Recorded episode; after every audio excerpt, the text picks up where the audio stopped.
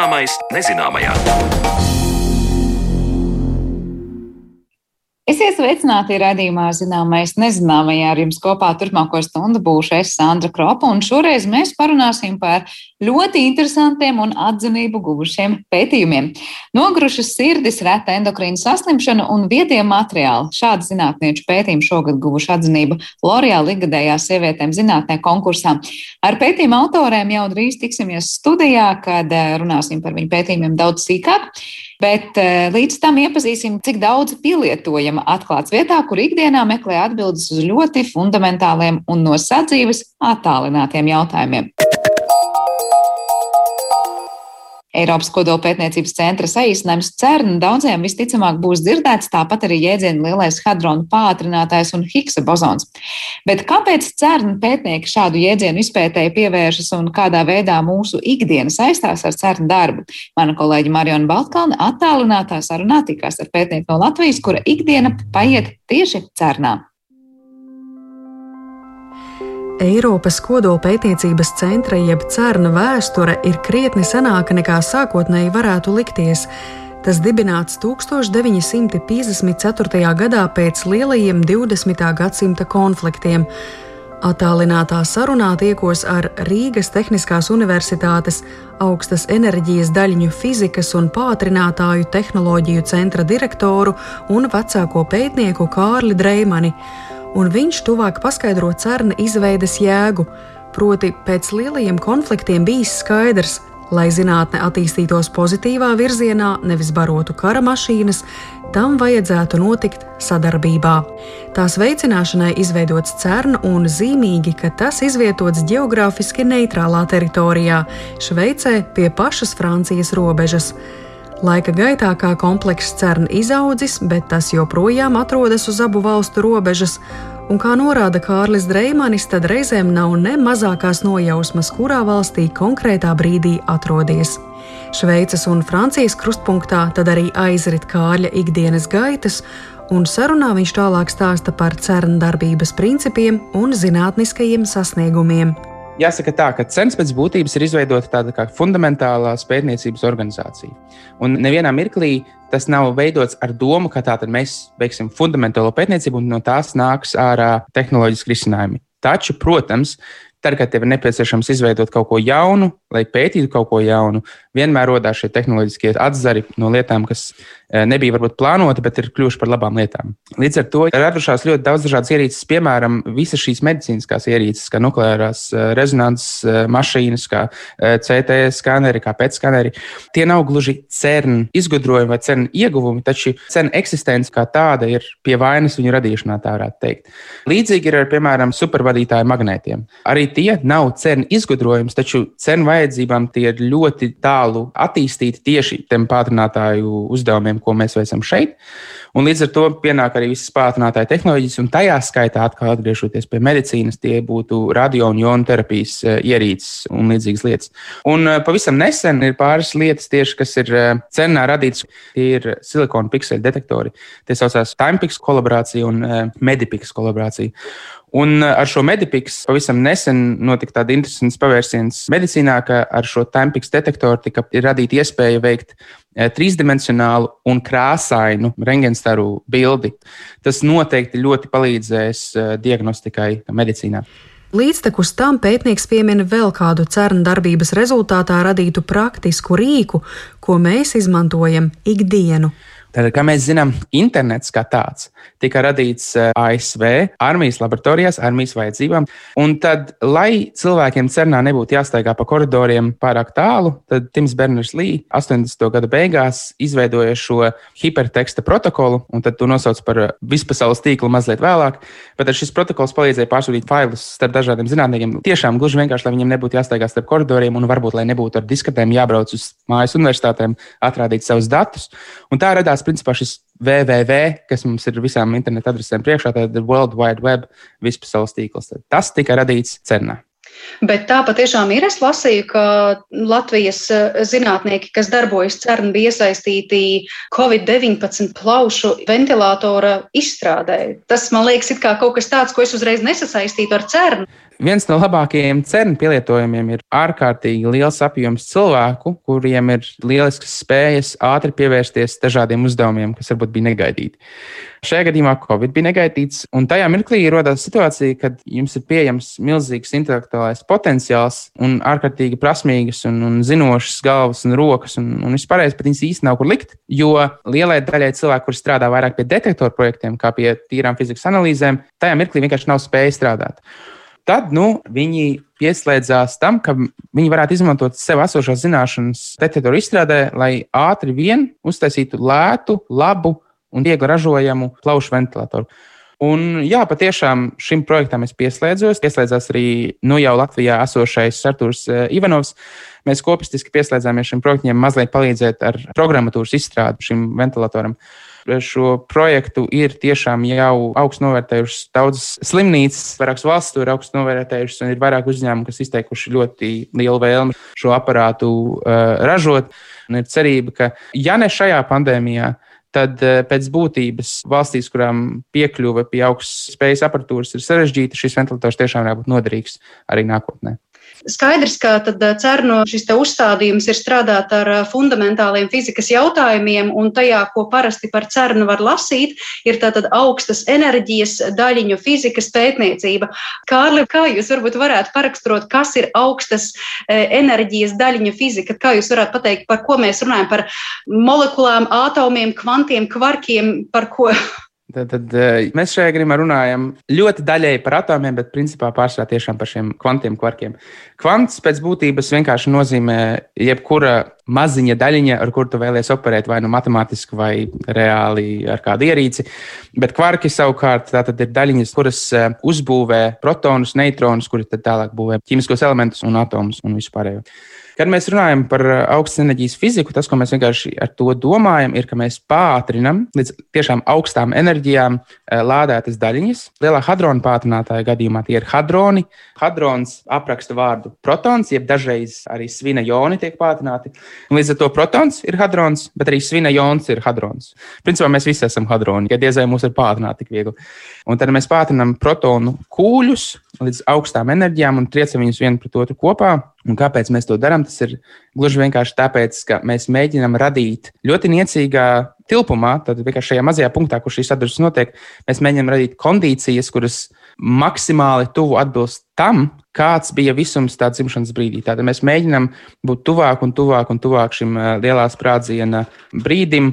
Un, protams, mēs neesam ne tuvu tam. Jā, ja iedomājaties, lielais sprādziens, tas nozīmē, ka pilnīgi viss, kas eksistē mūsu visumā, pilnīgi viss atradās vienā punktā. Līdz ar to tas bija diezgan karsti. Raksturojot lielā hadronu pātrinātāja norises, varam iztēloties šādu parādību. Dažus mikronus, jeb milimetra dažu tūkstošu daļu plats protonu staru kūlis traucas ar septiņu terra elektronu voltu lielu enerģiju. Iespējams, ko tādu grūti iztēloties, tāpēc salīdzinājumam tas atbilst standarta rallija automašīnai, kas traucas ar 2300 km/h lielu ātrumu.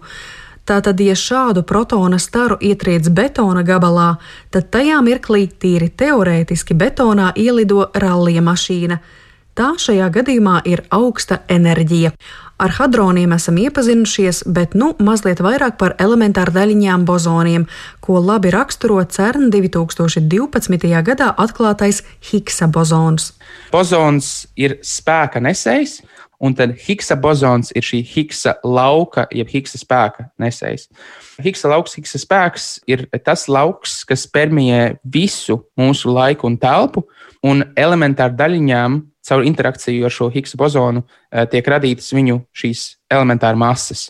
Pēc būtības bozona hadroni tie ir vienkārši vārdi, kas apzīmē dažādas eh, daļiņu ģimenes, lai to vienkāršāk būtu atšķirt. Tad es varu pateikt, piemēram, ka kvarki ir fermioni gan fermioni, gan bozoni tie nāk no uzvārdiem. Piemēram, fermions no Eriko Fermija.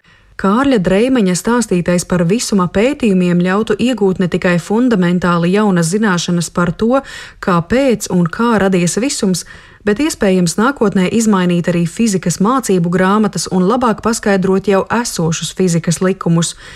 Kad jautāju, vai visi eksperimenti CERN notiek lielās iekārtās, Kārlis atbild gan jā, gan nē. Lielā hadronu pātrinātāja gadījumā runa patiešām ir par lielu iekārtu - 27 km garu tuneli 100 metrus zem zemes, uz kura atrodas milzīgas eksperimentālas kavernes. Kārļa eksperimentā pašlaik tiek izmantots 14,000 tonu smags detektors, ko sauc par kompakto mionu solenoīdu jeb CMS. Taču eksistē arī maza izmēra eksperimenti, kas veic specifiskus uzdevumus. Jāmin arī tas, ka augstas enerģijas daļiņa ir ne tikai tas, ko ikdienā dara cērna. Mēs varam vērot arī to, kas notiek, kad augstas enerģijas eh, kosmiskie stāri ietriec eh, Zemes atmosfērā. Tie arī rada daļiņu kaskādi, tad šī daļiņu kaskāde kā, projicējas uz Zemes. Līdz ar to visapkārt diezgan liels apjoms tādu pasīvu lielu eksperimentu, kas vienkārši šīs daļiņas uztver, un tad šīs daļiņas tiek mērītas. Un kosmiskie stari tiešām rada enerģijas, kas ir daudz, daudz lielākas nekā hadrona pātrinātājs to var izdarīt. Taču hadrona pātrinātājā mēs zinām, kur, kad un kā šīs daļiņas kustās. Mums ir visi šie sākuma parametri, un mēs varam izmērīt lietas daudz precīzāk. Līdz ar to, ja mēs sēdētu un vienkārši gaidītu kosmiskos starus, tad uh, viņi nāk un iet, un viņi nāk un iet dažādās enerģijās un tādā garā, bet šie pātrināti eksperimenti ir daudz kā, vieglāk pētāmi. Latvijas pētnieku un cernu sadarbība aizsākusies jau 1996. gadā, bet Rīgas Tehniskā universitāte šajā sadarbības procesā ir kopš 2012. gada.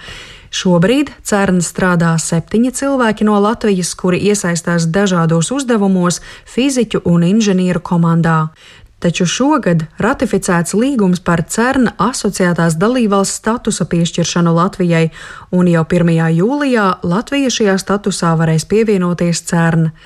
Kā uzsver Kārlis, tieši šī sadarbība veicinātu zināšanu apmaiņu, proti iespēju jauniem zinātniekiem nonākt CERN, iegūt pieredzi un pēc tam atgriezties Latvijā, lai turpinātu pētniecību šeit iespējas veikt dažādu veidu pētniecību ir tiešām apjomīgas, kas nozīmē, ka arī citām grupām Latvijā, kas varbūt ir mazāk saistītas ar elementāru daļu fiziku, bet viņiem ir ļoti liels iespējas attīstīt savu pētniecību. Neteiksim tā, ka viņiem obligāti jābrauc uz cenu, viss jādara cenā, absolūti nē, bet viņi var savu pētniecību aizvest kādā jaunā virzienā, pateicoties tam, ka mēs esam šī dalība valsts. Tātad, jā, šis pirmais solis ir asociētā dalības valsts un cerība, protams, nākotnē kļūt par pilnu spējīgu dalībnieku šai laboratorijai, šim, šai organizācijai. Un arī es uzreiz gribētu minēt, ka šī pievienošanās cenām, un šis ir viens no iemesliem, kāpēc cilvēki mēdz būt mazliet skeptiski, ir, ka cilvēkiem šķiet, ka tagad mēs pievienosimies, visi sūtīsim prom, un viss no Latvijas būs atkal zināšanas ārā, bet brauc uz cenu. Tas absolūti tā nav. Tā doma tam visam ir tieši tāda. Mums atverās durvis spējai salīdzinoši vienkāršā metodē cilvēku sūtīt šurp, cilvēkus no šejienes sūtīt turp un iesaistīties šajā lielajā zinātnes apritē. Un tam paralēli nāk klāt arī tas, ka atrodoties vienā vietā un neizbaudot to, kā cilvēki domā par lietām citur, tu mēģini mazliet stagnēt, un, ja tu stagnē kā persona, tu stagnēsi kā zinātnieks. Ko jūs mēģināt pateikt, ir, ka tas nav tikai iespējams, ka cilvēki brauks atpakaļ, vai iespējams, ka cilvēki brauks šurp uz cenu. Tas ir absolūti vēlams. Tā lielā doma ir ieslēgties šajā rotācijā, ka cilvēki atbrauc, iegūst pieredzi, brauc atpakaļ uz Latviju, Latvijā strādā. Protams, varbūt atbrauc kādā komandējumā, atbrauc kādu sapulci, bet ar savu pamatu darbību veids atrodoties Latvijā. Ļoti daudz darba var veikt arī attālināti, kā pierādījis ir Covid, bet pēc būtības var strādāt Latvijā un mācīt cilvēkus Latvijā un dalīties ar savu pieredzi, un tad skubināt cilvēkus arī braukt uz cernu, braukt atpakaļ un dalīties savā zināšanās gan šeit, gan Latvijā. Zinot, cik svarīgi ir sabiedrībai nodot skaidru vēstījumu par pētniecības nozīmi, Kārlim jautāju, kādi vēl mehānismi būtu izmantojami, lai to sekmīgāk izdarītu, un izrādās, ka līdzās augstas enerģijas daļiņu fizikai CERN vidē ienāk arī publiskie pasākumi un māksla. Cenu publiskās saskarsmes aktivitātes īstenībā ir principā, nerimstošas un ļoti, ļoti daudzveidīgas pamata aktivitāte ir tātad skolēnu, studentu un vienkārši publikas, principā, vešana ekskursijās, pasākumu taisīšana, kur cilvēki var atbraukt, apskatīties un, un, un iegūt vienkārši tādu reāli savu pieredzi, apskatoties uz lietām, tā skaitā uz detektoriem, ja, kur viņi nonāk pie vienkārši objekta, kas pēkšņi viņu acu priekšā ir 20 reizes 15 reizes 15 metrus liels, un kas tad tas tāds? Ja, un tas ir diezgan iedvesmojoši tīri no tāda viedokļa, ka tādas lietas ikdienā tu neredzi, un tas rada kaut kādu kā vēlmes sajūtu tajā visā ņemt dalību, ja ne pašam, tad pastarpināti kā cilvēkam, no kuras valsts jaunieši var kaut kur braukt un doties. Cenas līdzīgi veids arī šādas pašas aktivitātes arī visur, kur pasaulē veicot izstādes, un, un arī Latvijā šāda izstāde ir bijusi Zinātniskajā bibliotekā. Par māksliniekiem arī tas ir interesants ceļš, un tā patiešām ir. Cena ir sava mākslinieku rezidenču programma kur vairākos novirzienos mākslinieki var pieteikties, atbraukt un tiešām padzīvoties šeit uz vietas, novērot zinātnieku aktivitātes, pavērot reāli tehnoloģiskos risinājumus, kas šeit notiek, lai gūtu iedvesmu tālāk paši savās darbībās. Un, mākslinieki, kas to ir darījuši jau šobrīd jau ļoti daudz. Ir gan cilvēki, kas glaznoja, cilvēki, kas uzved lugas, dramaturgi, aktieri, ir dziedātāji, ir mūziķi. Viena no interesantām aktivitātēm, piemēram, cenas dažreiz ielūdz kādu ļoti jau zināmu mākslinieku pasaulē, uzspēlēt kādu jauku gabalu tuvu kādam pātrinātājam vai detektoram, kas tad saved kopā šo zinātni, kuru es savā veidā uzskatītu arī par mākslu, esot fundamentālais zinātnieks. Un māksliniekus. Viena no nesenajām lietām bija uh, viens no pasaules vadošajiem, ja ne vadošais čelists uh, Jojo Ma Viņš uzspēlēja vienu baha gabalu, sēžot blakus pātrinātājiem. Šķita, ka visi no tā iegūst. Ne tikai viņš, bet arī zinātnīs pasaule. Par Eiropas kodola pētniecības centra darbu un Latvijas dalību starptautiskos projektos stāstīja Rīgas Tehniskās Universitātes augstas enerģijas daļiņu fizikas un pātrinātāju tehnoloģiju centra direktors un vecākais pētnieks Kārlis Dreimanis. Ar viņu sarunājās Mariona Baltkalna. Bet pēc brīža mēs tiekamies ar šī gada L'Oreal stipendijas sievietēm zinātnē laureātēm un uzzināsim, ko praktiskai dzīvē pielietojam atradušas tieši viņus.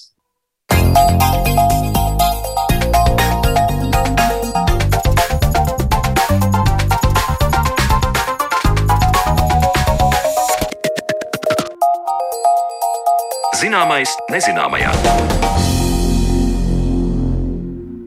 Jūnija zinātnes dzīvē Latvijā ik gadu nāk ar L'Oreal stipendiju pasniegšanu jaunām talantīgām zinātniecēm Latvijā, un šogad uzmanības lokā ir pētījumi par endokrīnām saslimšanām, sirds veselību un jaunu viedo materiālu izstrādi.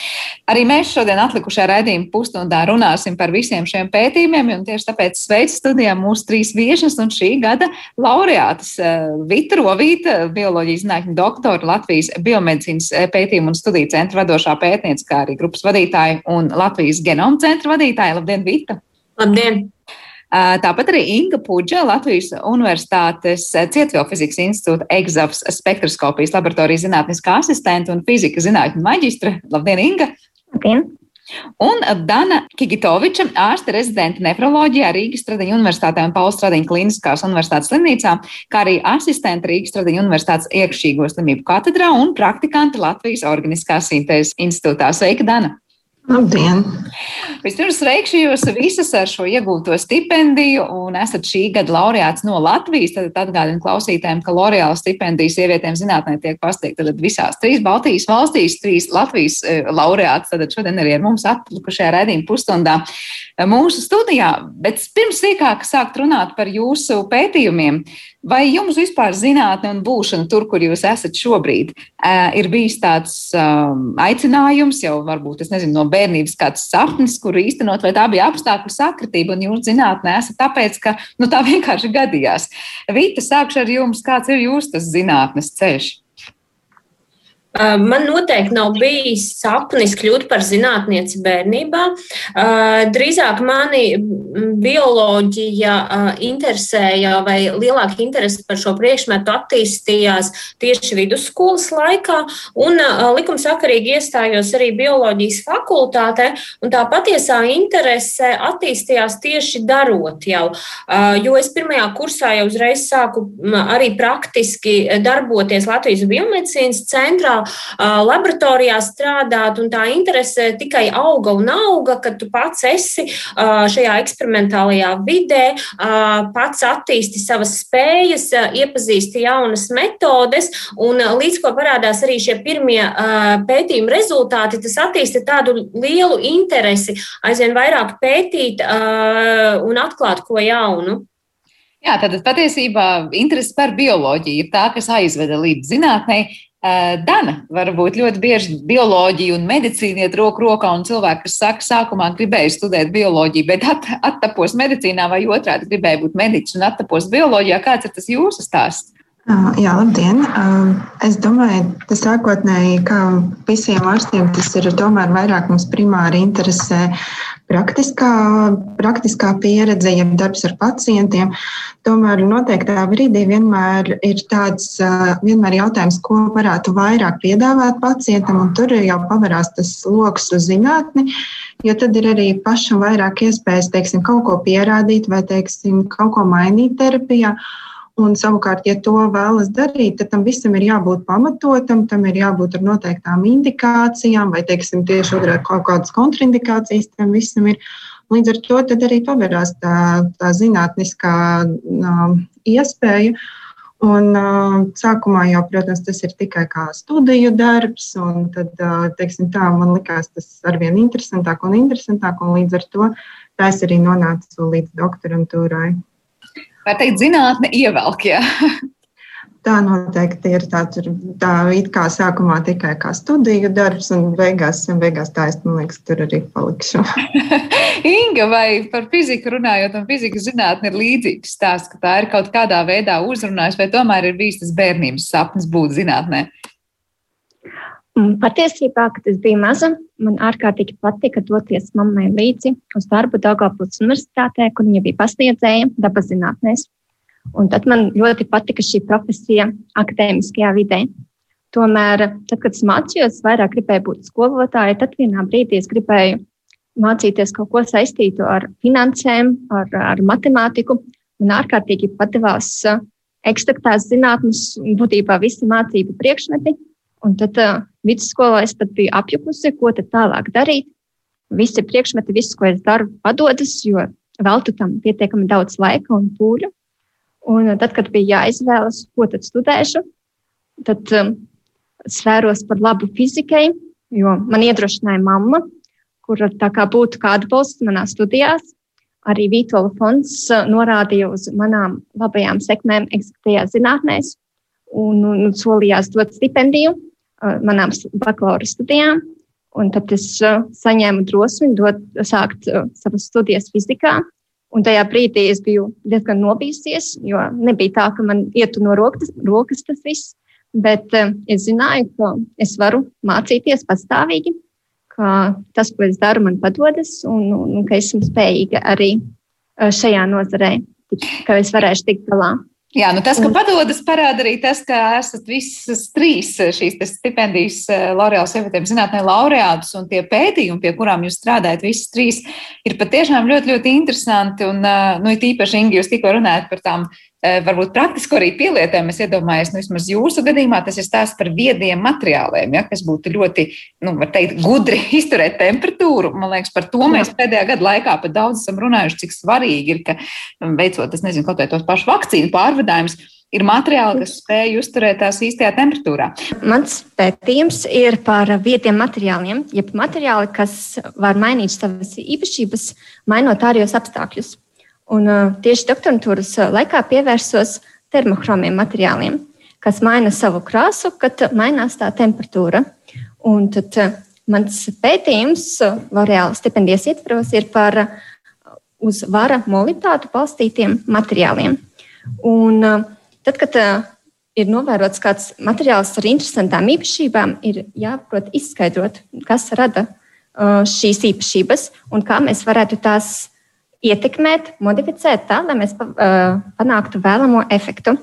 Un, tieši runājot par vara mobilitāti, tas maina savu krāsu gan pie zemām temperatūrām, kas būtu vērtīgas, lai uzglabātu, piemēram, vakcīnas vai citus temperatūru jutīgus produktus. Tāpat arī tas jūt temperatūru pie augstām temperatūrām. Teiksim, tas maina krāsu, kad tas tiek ļoti stipri uzkarsēts. Un tad mūsu uzdevums ir izskaidrot, kas ir atbildīgs par šo krāsas izmaiņu. Un uh, savā pētījuma ietvaros es izmantoju tādu īpašu metodi, rentgena absorpcijas spektroskopiju. Un uh, šīs metodas pamatā tiek izmantots sinhrotronais starojums. Tas ir um, starojums, ko izstaro daļiņu pātrinātāji lielos zinātniskajos centros. Un šāda veida pētījumi ļauj mums iegūt informāciju par materiālu atomārā līmenī. Bet tas, ko jūs iegūstat, informācija jūs palīdz izskaidrot, kas raisa tās um, krāsu izmaiņas, bet vai jūs paši to materiālu varat uzlabot tā, lai tas labāk, tad, nezinu, uzturētu to zemo temperatūru vai augsto, kā nu kurā gadījumā vajag? Mūsu uzdevums būtu uzlabot to materiālu tādā veidā, ka mēs panāktu, ka tas maina krāsu pie mums vēlamās temperatūras. Attiecīgi, piemēram, mēs gribam, lai tas maina krāsu pie mīnus 70 grādiem, precīzi plus mīnus daži grādi. Un tādā gadījumā mums vajadzētu materiālā ievadīt kādus piemaisījumus, citus ķīmiskos elementus. Un, attiecīgi, tad jā, jāveic pētījumi, jā, jāmodificē pamata materiāla struktūra un arī sastāvs tā, lai mēs iegūtu vēlamo efektu. Un tad, tad, tā, tā tie pētījumi aiziet. Bet tas rezultāts būtu tāds, ka jūs panākat, piemēram, to, ka tas materiāls maina to krāsu, Bet tas nozīmē, ka viss, kas tajā materiālā, piemēram, ir iepakots, eh, tas uztur to temperatūru, kādā jūs kā vēlētos, lai tas viss tur uzturētos. Es pareizi saprotu? Drīzāk tas būtu kā indikators, kurš pasaka, ka materiāls vai nu ir pie šīs konkrētās temperatūras, kuru mēs vēlamies, vai arī tas varētu mums norādīt uz to, ka varbūt kādā brīdī tas produkts ir sasilis vairāk nekā tam vajag, un tad tas vietējais materiāls mums saglabātu atmiņā to, ka viņš ir bijis pie siltākas temperatūras. Tad laiku signalizētu. Tad laiku signalizētu, ka kaut kas tur tūlīt tūdeļ varētu nebūt kārtībā. Uh, pirms pievēršos pārējām divām laurātēm, vēl pēdējais jautājums par šo konkrēto gadījumu. Cik tālu jūs šobrīd esat? Vai tas ir kaut kādas iestrādes pats sākums, vai mēs varam runāt, ka tāds materiāls jau te, te var tikt pielietots? Šobrīd tie ir fundamentāli pētījumi, un savas disertācijas ietvaros esmu diezgan daudz jau izpētījusi, un tuvākajā laikā plānoju izstāvēt savu disertāciju. Bet uh, turpmākie pētījumi vēl ir plaši, un uh, ir vairākas lietas, ko varētu modificēt, pirms to varētu izmantot praktiski. Darāmā vēl ir daudz. Jā. Bet ceļš ir, protams, eh, pašā sākumā, bet ļoti, ļoti daudzsološs. Paldies! Es gribu Vitai tagad vaicāt par pētījumu, jo es saprotu, ka tur tiek pētīta akromegālija. Tātad uh, saslimšana, tā ir, saprotu, endokrīna saslimšana, ja, kad kāda konkrēta ķermeņa daļa kļūst eh, ļoti, ļoti liela, vai mums vispār ir runa par to, ka ka, kad, kad, kad mainās un dažādi augšanas hormoni tiek mainīti. Varbūt Vita var pastāstīt cīkāk, par ko ir pētījums. Jā, pētījuma būtība jā, ir par to konkrēti par šo slimības pacientu atbildi uz viņiem lietoto terapiju. Bet ne tik ļoti vienkārši uz šo terapiju, bet to, kā šī terapija var ietekmēt arī viņu zarnu mikrobiomu. Jo jā, akromegālija ir endokrīna saslimšana, kuras laikā veidojās audzēji endokrīnajā dziedzerī hipofīzē. Un dabiski šis dziedzeris eh, sekretē augšanas hormonu, kas mums ir nepieciešams dažādiem procesiem, gan augšanai, gan arī organisma atjaunošanās spējām un, un citiem procesiem. Uh, bet uh, cilvēkiem, kuriem šajā dziedzerē izveidojās audzējs, uh, viņiem notiek šī hormona pārprodukcija. Tad šis hormons veidojās krietni vairāk nekā būtu nepieciešams. Un tas izraisa dažādas uh, uh, funkcijas, vai drīzāk disfunkcijas visā organismā. Uh, gan var veidoties krietni paaugstināts augums, gan arī atstāt ietekmi uz uh, sirds sistēmu, uh, gan arī atstāt ietekmi uh, uz uh, dažādu orgānu sistēmām. Uh, un, un uh, šiem pacientiem, uh, lai novērstu šo hormonu pārprodukciju, tiek lietoti konkrēti medikamenti. Un šie medikamenti savukārt darbojās gan uz šī audzēja šūnām, bet viņi principiāli varētu darboties arī uz daudzām citām ķermeņa šūnām un konkrēti arī uz zarnu traktu. Un tā mana pētījuma doma ir tāda, ka paskatīties, kā šie medikamenti ietekmē zarnu traktā esošo mikroorganismu um, daudzveidību. Bet tas rezultāts būtu tāds, un, piemēram, jūs saprotat, ka tie ir esoši medikamenti, esošai slimībai, kur tiek ārstēta, un uh, kaut kāda daļa baktēriju, piemēram, aiziet bojā, kurām nevajadzētu aiziet bojā zarnu mikroflorā. Es pareizi saprotu. Tad... Vai arī izmainās šo uh, mikroorganismu populācijas, un kā mēs zinām, tad mikrobioms vispār ļoti uh, ietekmē dažādas orgānas, uh, sistēmas visā organismā, uh, un uh, tā ietekme varētu būt diezgan plaša. Un tādēļ, ja tiešām tiktu novērot, ka ir kādas novirzes šajā mikrobioma sastāvā, sastāvā. Iespējams, ka to varētu kaut kādā mērā modificēt un noteikti šo pacientu dzīves aspektus arī uzlabot. Varētu teikt, tā tas nozīmē, ka ir iespēja daudz labāk izmantot esošo jau terapiju, ja tad novēršot kaut kādas blakus saslimšanas vai kaut kādas citas izmaiņas, kas nebūtu vēlamas cilvēkiem jau laiku zinot, ja kādas konkrētās, konkrētie kādi medikamenti varētu ietekmēt šo zarnu mikrofloru.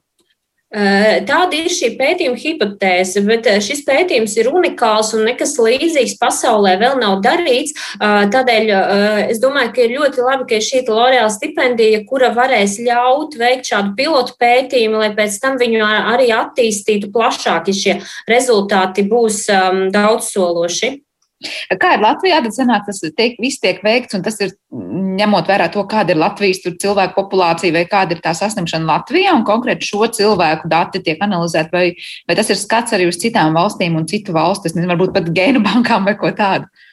Pašlaik nē, pašlaik mēs iesaistīsim noteiktu pilotu pētījumā skaitu Latvijas um, akromegālijas pacientu. Kaut gan mums ir arī daudz sadarbības arī ar dažādām ārvalstu grupām, kas pēta šo saslimšanu, un ja rezultāti būs pozitīvi, es neizslēdzu to, ka mēs varētu arī veidot plašāku sadarbību. Tā kā viss vēl varētu, mēs par to varētu dzirdēt vēl nākotnē, tā varētu noteikt. Es ceru, ka šī pētniecības joma attīstīsies, jā. Vēl mazliet par to akromegāliju runājot, jūs teicāt, tas ir tāds ļoti ražēns augums. Varbūt klausītājiem varam viest skaidrību, kur ir tā atšķirība starp uh, vienkārši cilvēku ar lielu augumu un kad mēs jau runājam par akromegālijas gadījumiem. Mhm. Uh, būtībā tā uh, atšķirība galvenā ir uh, bioķīmiskā šī augšanas hormona vai viena no viņa atvasinājumiem līmenī asinīs. Jo tas ir arī galvenais šis indikators, kas parāda, ka cilvēkam ir šī saslimšana, jo, protams, ka tas augums ir viens no tiem faktoriem, jo, jo šiem pacientiem bieži attīstās arī dažādas kaulu disfunkcijas un līdzīgas slimības, bet, protams, ka tas galvenais ir, ka šis augšanas hormons un viņa atvasinājums ietekmē ļoti daudzus orgānus un sistēmas, kas noved pie pāragras nāves un dažādām saslimšanām šiem pacientiem. Tas ir tas galvenais bioķīmiskais mērījums, ko pārbauda, lai noteiktu, vai tas ir vienkārši liels augums, vai arī tad, tad tā ir tiešām saslimšana. Bet tā saslimšana tad ir tā kā jau blakus slimība kaut kādām citām kaitēm? Nu, jūs minējāt šos te audzējus, vai drīzāk tā pati akromegālija būs, tā kā jūs atkal šeit tik, tikko minējāt, iemesls daudzām citām saslimšanām, kas radīsies? Um, Ir tā, ka pamatā ir šis audzējs. Ir ļoti reti gadījumi, kad šis audzējs var tikt pārmantots ģimenē, un tad tur ir noteikti gēnu mutācijas, kur šiem pacientiem vispār endokrīnijos dziedzeros biežāk attīstās audzēji. Un tad varētu būt tā situācija, ja ir šī gēna mutācija, ka ir audzējs gan hipofīzē, gan arī citos, piemēram, aizkuņģa dziedzerī vai, vai citos endokrīnijos orgānos. Bet būtībā ir, ir tā, ja um, ir šī audzējs, kur, kuram nav šī pārmantojamība, uh, tad uh, viņa um, darbības rezultātā, šīs hormonu pārprodukcijas rezultātā var attīstīties, piemēram, uh, kardiovaskulārās saslimšanas, diabetes, var arī veidoties tieši no šī augšanas hormonu pārprodukcijas audzēji citos orgānos. Um, tātad nu, viņš atstāja tādu kopēju sistēmisku ietekmi uz organismu. Mm, skaidrs. Nu, ko par medicīnu mēs turpinām, un mūsu trešā laureāta, tātad Dana, jūs pētāt sirds veselību, precīzāk, nogurušas sirdis ir jūsu uzmanības lokā. Varbūt pastāstiet sīkāk, par ko ir stāsts. Tad pamatā tā problēma, ko, ko es bāzējos, ir par labo kambari. Iespējams, ka tas ir mazāk mazāk dzirdēts un mazāk pētīts, un skar arī mazāku pacientu loku nekā, piemēram, tāda izplatīta problēma kā kreisā kambara mazspēja, kas būtu, piemēram, pacientiem pēc infarktiem, ar augstiem spiedieniem. Un ar labo kambari ir tā, ka viņš, viņš savukārt cieši, ja ir arī tā sauktā kreisā kambara mazspēja, Bet ir arī vairākas primāras slimības, kas to skar, piemēram, paaugstināts spiediens plaušu artērijās. Tur ir arī vairākas iekļaus retas slimības vai tā kā atkārtotas trombozes plaušu artērijās. Un tad tas, tā mana ideja ir, kā mēs ar tādu jau sen zināmu medikamentu kā meldonijas varētu uzlabot labāk ambara mazspēju pacientiem, gan ar primāru, tā kā to labāk ambara mazspēju, gan arī sekundāru. Un tas, ko līdz šim es, es teiktu, te, teiksim, tā varētu būt savu pētījuma vidū, un līdz šim ir pierādīts, ka tas medikaments varētu uzlabot gan labāk ambra izsviedas frakciju, kas nozīmē, nu, ka vairāk asins tiek iepumpētas mazajā asinsrites lokā, ka viņš samazina sieniņas biezumu labajā kambarī. Un tad nākamais solis, ko arī ar L'Oreal stipendijas palīdzību mēs gribētu pierādīt, ka pacientiem tas savukārt uzlabo slodzes toleranci, kas ir īpaši svarīgs. Tas nozīmē, ka viņiem netrūks telpa kāpjot pa kāpnēm, vējot pa, teiksim, tā, pa, pa ceļu, ka viņiem uzlabos pašsajūta, ka viņi ir fiziski aktīvāki un darbspējīgāki. Un, um, nu jā, un tā arī viena no, viena no lietām, ka labāk ambara mazspēja bieži vien skar arī teiksim, tā, pacientus uh, diezgan jaunā vecumā, tīpaši, ja tā, tas paaugstinātais spiediens plaušu artērijās um, ir idiopātisks, nezinām iemeslu. Tie bieži vien ir pacienti teiksim, tā, no 20 līdz 40 gadu vecuma, līdz ar to nu, tā dzīves kvalitātes uzlabojums ir tiešām ļoti būtisks. Nu, visiem ir būtisks, bet, uh, bet tomēr. Jā, bet vai tas eh, nozīmē, ka labā kambara sirds mazspējas gadījums no kreisā kambara, tā var teikt, atšķiras un no labā biežāk cieši tie gados jaunie cilvēki?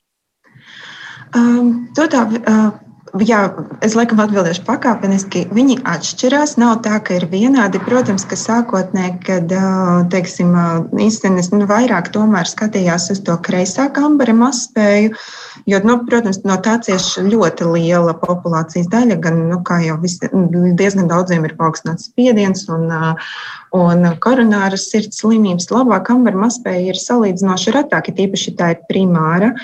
Un, Jā, un līdz ar to, ja tā ir primāra, viņa biežāk ir arī jaunākiem pacientiem, jaunākiem gados pacientiem. Bet ar to šī brīža terapiju tad runājot, tad ar to, ko ārstē kreisākām var mazspēj, nevar to pašu ārstēt labāk?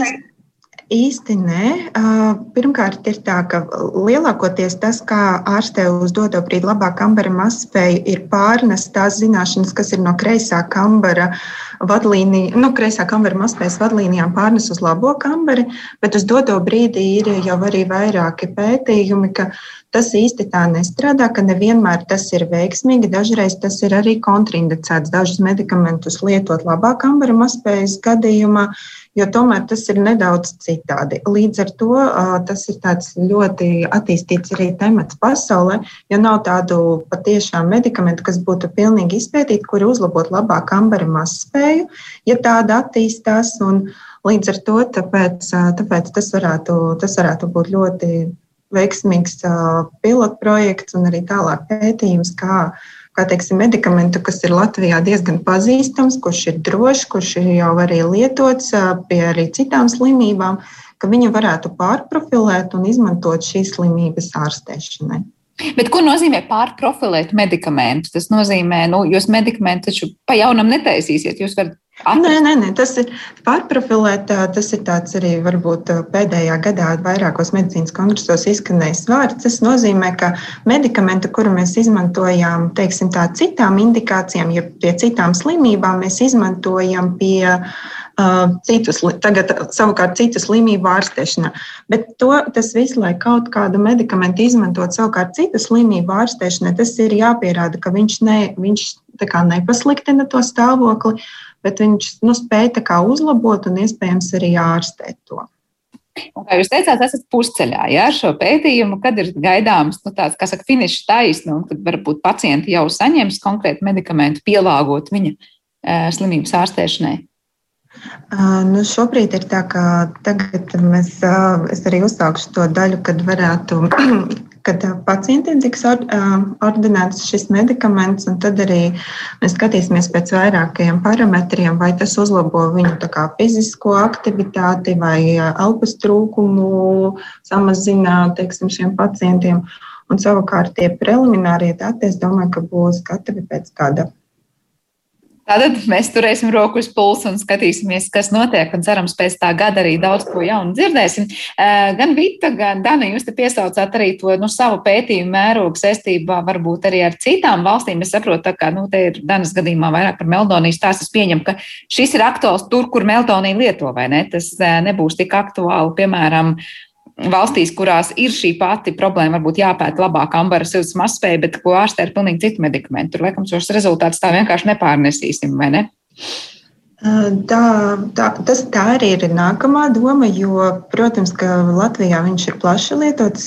Ir arī, teiksim, varbūt kādās, kādās citās valstīs mazāk lietots, bet tā doma tomēr mums ir tāds lielāks mērķis, ka mēs varētu, ja tas pierādās, ka viņš palīdz pie labāka ambara mazspējas, tad nākamais solis, ka tas varētu tomēr tikt līdz klīniskam pētījumam un tālāk arī līdz vadlīnijām. Jo līdzīgs medikaments pēc, nu, teiksim, tā, pēc būtības jau ir sirds mazspējas vadlīnijās, un viņš ir teiksim, ārzemju medikaments, bet pēc savām īpašībām, teiksim, tā bioķīmiskām, viņš neizskatās labāks kā meldonijas. Līdz ar to nu, mums jābūt ļoti patriotiskiem un jācer, nu, jāvirza arī savu, savus medikamentus. Tas viņš ir pierādījis gadu gaitā savu drošību un efektivitāti citās slimībās. Līdz ar to, līdz ar to tas noteikti varētu nest Latvijas vārdu pasaulē. Jā, tā kā tāds veiksmes stāsts varētu būt. Inga, man tad jautājums, kā šī, Jā, tieši tā. Man tāds jautājums, kā šis varbūt nu, stipendija vai šis pētījums, kas jau ir iesākts un, un var teikt, arī ir tikai savā nu, sākuma vai vidus stadijā, attīstīsies tālāk, un vai šī stipendija palīdzēs, var teikt, šī, šai, šai tēmai izskanēt plašākos starptautiskos ūdeņos? Protams, šī stipendija ir kā papildus teiksmes avots un motivators ierakties dziļāk šajā pētījumā un, un virzīt to uz, uz labiem rezultātiem un varbūt uh, augstvērtīgām publikācijām un, un domām par materiālu ieviešanu, varbūt praktiskiem pielietojumiem. Tā ka noteikti šī balva ir kā motivators. Bet tie pielietojumi veidi varētu būt jau piesaukties nu, medikamenti, vakcīnas, pieņem arī pārtikas rūpniecība, gaida ja, šādus materiālus. Jā, temperatūras indikātori var būt dažādās nozarēs, tā skaitā vakcīnām, ķimikālijām, pārtikai, zālēm, dažādiem bioloģiskiem materiāliem. Un tas varētu būt arī derīgi gan ikdienā, gan arī varbūt laboratorijās un rūpniecībā. Tā ka pielietojumu spektrs ir ļoti plašs. Jā, nu noslēdzot šo sarunu, man katrai no jums jautājums, kā jū, kāds bija tas jūsu ceļš līdz šai stipendijai, jo es zinu, ka citus gadus runājot ar laureātēm, Man liekas, pilnīgi gandrīz katrai ir stāsts par to, ka tā nebija pirmā reize, kad pieteicos, un es jau gandrīz negribēju mēģināt atkal un atkal, un redz, kā izrādījās šī veiksmīgā reize. Eh, varbūt atklājot savu stāstu, jūs iedrošināsiet vēl daudz citu zinātnieku arī nākamam gadam pieteikties stipendijai, pat ja varbūt šis ceļš nav bijis tik gluds. Kā ir jūsu gadījumā? Vai jums ir tāds, nu, pirmo reizi pieteicos un saņēmu, vai šis ir jūsu jau vairāk kārtējais mēģinājums? Vita, sākšu ar jums.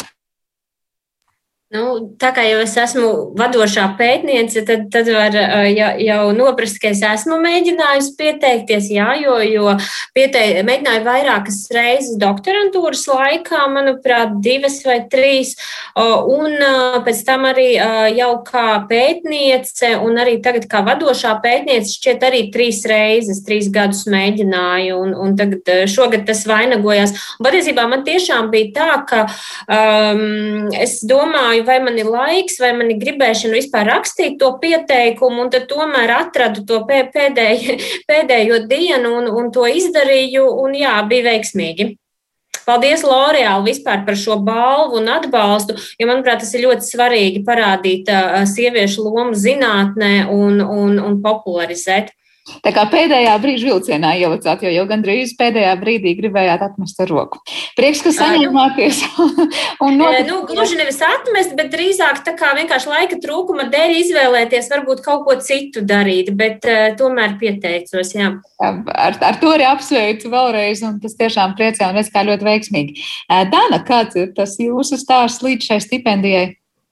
Jā, manuprāt, mums vismaz tā kā es studēju doktorantūru Rīgas Tradiņu universitātē, tad mums izsūtīja, ka ir iespēja pieteikties stipendijai. Un, Savukārt, izlasīju, man likās, nu, tas ir interesanti, bet nu, visticamāk, ka nē. Bet tad man darba vadītājs teica, ka obligāti jāpiesakās. Nu, ka tas ir, ka tas ir tik būtiski un ka, ka nu, vismaz pamēģināt un veikt, teiksim, tā kā rakstīt pieteikumus projektam arī ir, ir daļa no doktorantūras. Un, Un tā sanāca, ka, ka es arī laikam ar pirmo reizi arī dabūju. Tā, viena no tām retajām, kurā tas izdodas ar pirmo reizi, tiešām apsveicami. Inga, kāds ir jūsu stāsts? Ar mani bija tā, ka es, es jau sen zināju par šādu stipendiju un um, strādāju uh, pašaizliecīgi pie tā, lai man būtu labs CV, labi rezultāti. Uh, Un tad es gaidīju to brīdi, kad es varētu pieteikties un būtu pienācīgs kandidāts šai stipendijai. Un tā arī gadījās, ka tagad bija pēdējais gads, kad es varētu pieteikties šai stipendijai, un ar pirmo reizi es to ieguvu. Man bija arī veiksmīgs stāsts. Arī veiksmīgs stāsts ar pirmo gadu. Kā, nu, tas tikai pierāda to, ka tiešām nu, cik cilvēku, tik dažādu gadījumu, un katram varbūt tas īstais brīdis un īstais gads, kurā ir tā veiksmīgā loza, ir savs un noteikti aicinājums gan visām zinātniecēm, kas varbūt nākamgad tikai domās pieteikties. Tad ir vērts mēģināt, un varbūt pat ar pirmo reizi, bet droši vien arī tām, kuras varbūt mēģina jau vairāk kārt Tieši varbūt nākamais gads ir tas jūsu īstais un veiksmīgais. Teikšu jums visām lielu paldies par šo sarunu. Es domāju, ka katru no ieskicētajām tēmām mēs varam turpināt vēl kādā no citiem raidījumiem, jo tiešām stāsts, par ko jūs runājāt, ir, ir interesants, aktuāls un tiešām ļoti aizraujošs. Bet šajā reizē teikšu jums paldies un dzirdējām tātad bioloģijas zinātņu doktoru Latvijas biomedicīnas pētījumu studiju centra vadošo pētnieku un grupas vadītāju, kā arī Latvijas genoma centra vadītāju Viktoru Rovīti.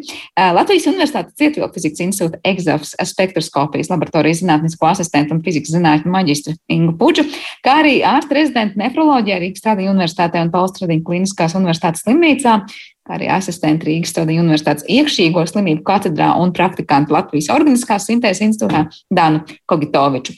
Ar to arī raidījums ir izskanējis, par to parūpējās producenta Paula Gulbinska un mūzikas redaktors šajā stundē bija Girds Bišs. Savukārt ar jums kopā bija Sandra Kropa un visu labu!